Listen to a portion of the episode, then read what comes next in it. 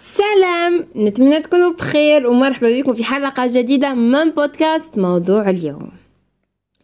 اليوم حلقة جديدة وسلسلة جديدة التي رسميا ابتدأت من حلقة اليوم وهي سلسلة العودة المدرسية. ستكون بإذن الله سلسلة لمدة شهر أي ثمانية حلقات. سنتحدث فيها عن كيفية التحضير للدخول المدرسي بعض الأخطاء التي نقع فيها نصائح عن الجامعة وما هي عادات النابغين في القسم إلى آخره.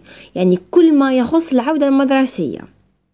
واليوم نبدأ سلسلتنا بأول موضوع لنا وهو كيف نحضر أنفسنا للعودة المدرسية. خاصة أنه أظن أنه أغلبنا يفكر في هذا الأمر مع اقتراب الدخول المدرسي. كلنا نريد أن تصبح العطلة أطول قليلا وأن يبتعد موعد الانطلاق الرسمي للدراسة إلا أن الحلم لا يكفي والرغبة لا تغير شيء من الحقيقة. لذا كل ما علينا فعله هو أن نحضر أنفسنا بشكل جيد للعودة المدرسية وبذلك نحمس أنفسنا ونحفزها على العودة المدرسية.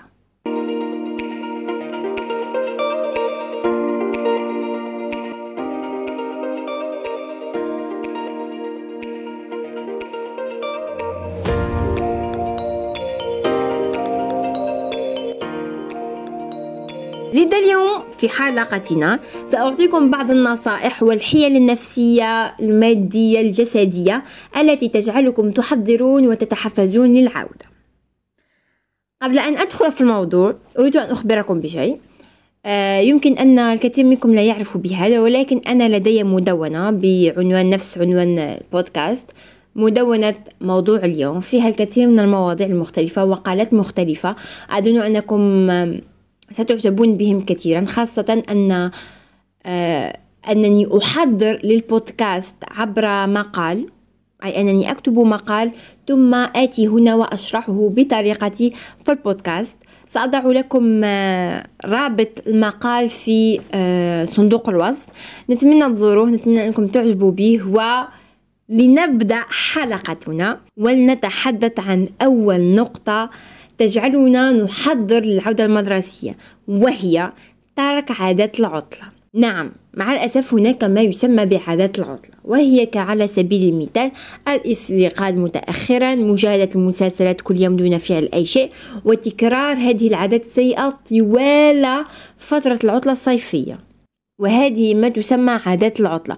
ولا يجب أن تكون هذه العطلة الصيفية وهذه العادات يمكن أن تكون في الويكند في الكثير أي أي أنه كلما سنحت لكم الفرصة أن ترتاحوا تقومون بهذه العادات السيئة. لذا حاولوا قبل العودة المدرسية أن تضعوا كل هذه العادات جانبا وأن تكتسبوا عادات أخرى تكون أكثر نشاطا وأكثر صحية. تجعلكم حتى مع العودة المدرسية أكثر اتزانا. لا أقول لكم أنه يجب أن تستيقظوا على السادسة صباحا وأن تبدأوا بمراجعة برنامجكم الدراسي. لا. كل ما أقوله لكم هو أن تبعدوا هذه العادات عنكم خطوة بخطوة. ما أقصده بهذا مثلا كنتم تنامون الساعة السد آه كنتم تنامون الساعة الثانية صباحا. اليوم تنامون على الساعة الواحدة والنصف. غدا تنامون على الساعة الواحدة. بعد تنامون على الساعة 12 ونصف أي ما أقوله يا أصدقاء أنه لا يجب عليكم أن تبعدوا وتمحوا هذه العادات في يوم واحد فاكتسابها أساسا لم يكن في يوم واحد بل أن تحاولوا أن تنقصوا منها كل يوم حتى تكون أكثر صحية. كذلك حتى تجدوا العادة أو الوقت المثالي لكم. كذلك يجب عليكم وضع روتين جديد. فمن الأشياء التي يجب عليكم أن تقوموا بها قبل العودة المدرسية كما قلت سابقا هي أن تضعوا روتين جديد مناسب لكم وأن تبدأوا بتطبيقه من الآن لماذا؟ انظروا طوال الفترة الصيفية كنتم تقومون بالكثير من العادات السيئة وهذا ما شكل لكم روتين سيء أو روتين سلبي كما قلت سابقا روتين العطلة وضعتم مثلا الآن روتين يجعلكم تكونون أكثر نشاطا خلال العودة المدرسية ولكنكم طبقتموه مع العودة. هذا سيشكل صعوبة عليكم. أولا عقلكم لا يكون متجاوب مع هذا الروتين خاصة أنه اعتاد لفترة طويلة أن يشاهد مسلسلات طوال اليوم وأن يبقى مستلقي فقط وعدم فعل أي شيء وأن ينام على ساعة متأخرة. فإن جعلتموه فجأة ينهضوا للدراسة ينهضوا مبكرا يناموا مبكرا هذا سيجعله في صدمة. ولن يتجاوب معكم وستجدون صعوبة كبيرة. خاصة في الأيام الأولى للدراسة. انظر يا أصدقاء. وضع روتين جديد. قبل العودة من الدراسية وأن تعتادوا عليه هو أمر بالغ الأهمية. يعني أنا لا أفهم من قال لسكان الكرة الأرضية أن العطلة الصيفية تساوي الاسترخاء أو عدم فعل أي شيء واكتساب العديد من العادات السيئة. من قال هذا؟ في الحقيقة العطلة الصيفية هي فرصة لبناء عادات جديدة لبناء عادات قوية لاكتساب الكثير من المهارات الجديدة. العطلة الصيفية حقا استثمار لا علينا. العطلة الصيفية قد مضت ويجب علينا الآن النظر إلى الأمام. لذا حاولوا الآن أن تضعوا روتين خاص بكم. يعني كل ما عليكم فعله إلى الآن أن تتركوا عادات العطلة جانبا وأن تكتسبوا عادات أكثر صحية وتجعلكم تعيشون حياة آه، ذات جودة أفضل. وبهذا تستطيعون بناء روتين جديد يكون أكثر نشاطا ويجعلكم أكثر اتزانا. ثالث نقطة هي نظم حياتك. نعم أظن أنكم تتساءلون كيف أقوم بتنظيم حياتي حسنا.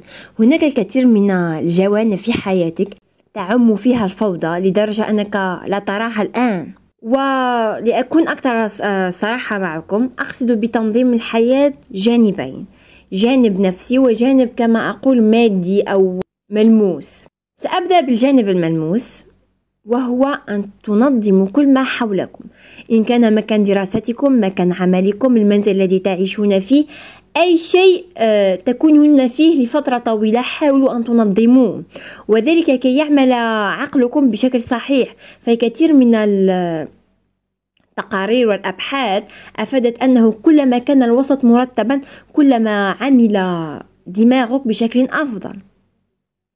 كذلك كذلك حاولوا أن تنظموا حاجياتكم أدواتكم وكتبكم القديمة وكذلك الأقلام الكراريس لأنه يجب عليكم التخلص من كل ما لا تحتاجونه قبل العودة المدرسية. أولا كي تكونوا أكثر تنظيما. وثانيا كي تعرفوا ما تحتاجونه وما لا تحتاجونه.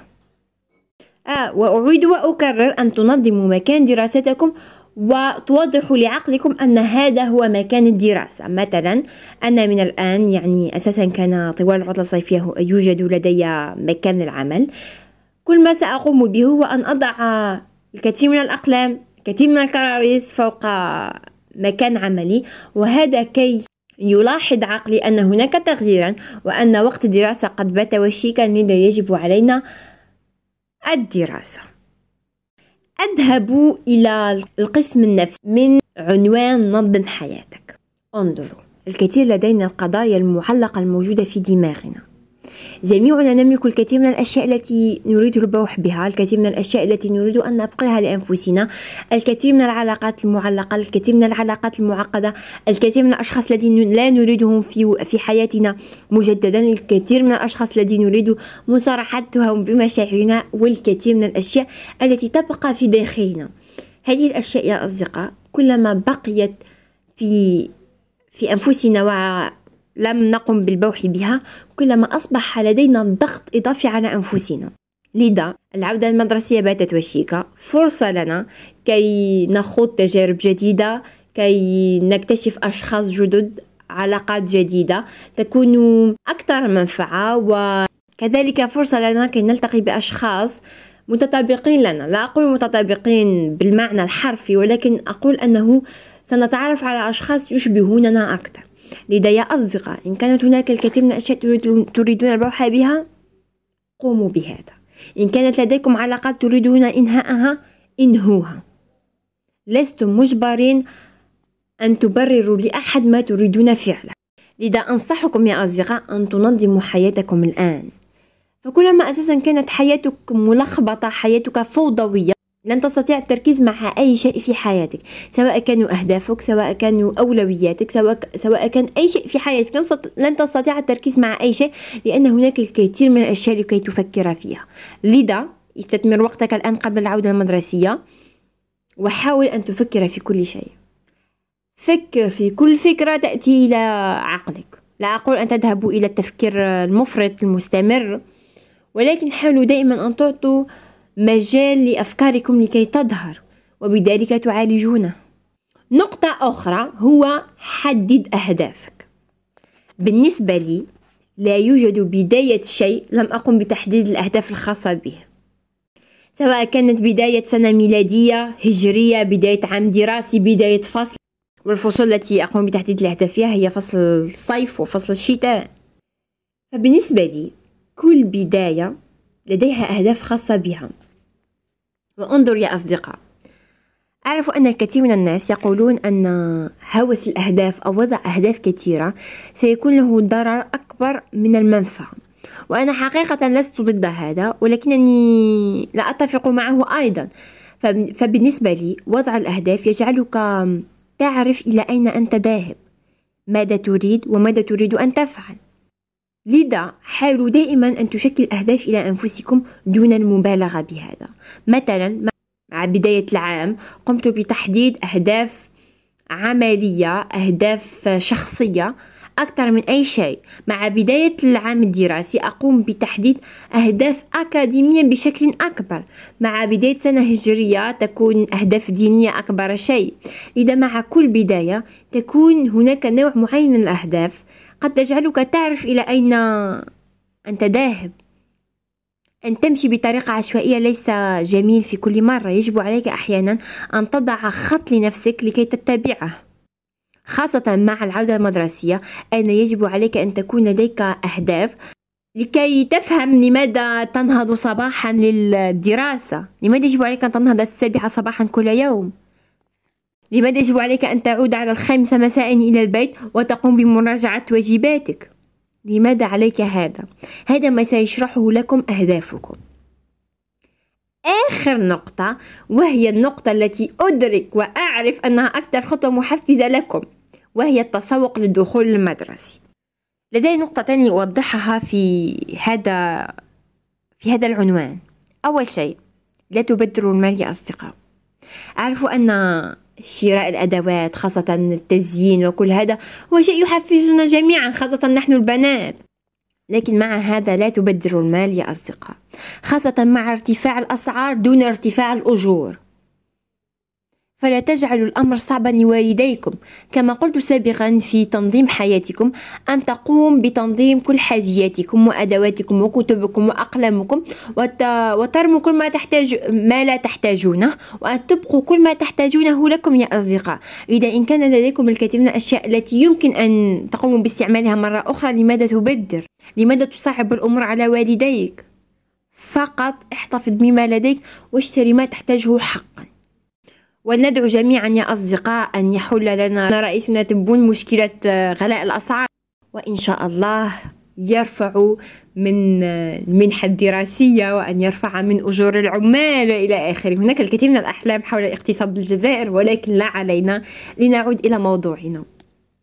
ثاني نقطة أريد منكم أن تركزوا فيها هي لا تجعلوا أدوات المدرسية تبعدكم عن هدفكم الكثير منا يا أصدقاء يشتري الكثير من أدوات التزيين الكثير من الزينة فيقوم بالتزيين بدلا من الدراسة. وهذا أمر خاطئ. لا تجعل هذه النقطة تذهب إلى السلبية بدل الإيجابية. فالأدوات المدرسية وجدت لكي نحب الدراسة أكثر. ليس ليست لكي تبعدنا عن دراستنا يا أصدقاء. لذا حاولوا أن تراقبوا أنفسكم قدر الإمكان. هذه كانت نهاية حلقتنا. نتمنى تكونوا استمتعتم نتمنى تكون عجبتكم الحلقة اليوم. وأول حلقة من سلسلة العودة المدرسية. يعني كنت نوعا ما متخوفة من هذه السلسلة خاصة أن الحلقات الأكثر مشاهدة لدي كانت حلقات تثقيفية أكثر. إذا أن أقوم بنوع مثل هذا العودة المدرسية وأشياء كهذه جعلني أتخوف قليلا من حيث إن كانت ستعجبكم أم لا أم ستتوافقون معها أم لا. لذا أتمنى أنها أعجبتكم نتمنى تعطوني رأيكم في سأظهر لكم السؤال من الأسفل هل أعجبتكم الحلقة؟ أريد أن أرى كل تعليقاتكم في الأسفل وإلى اللقاء في حلقة قادمة إن شاء الله من سلسلة العودة المدرسية.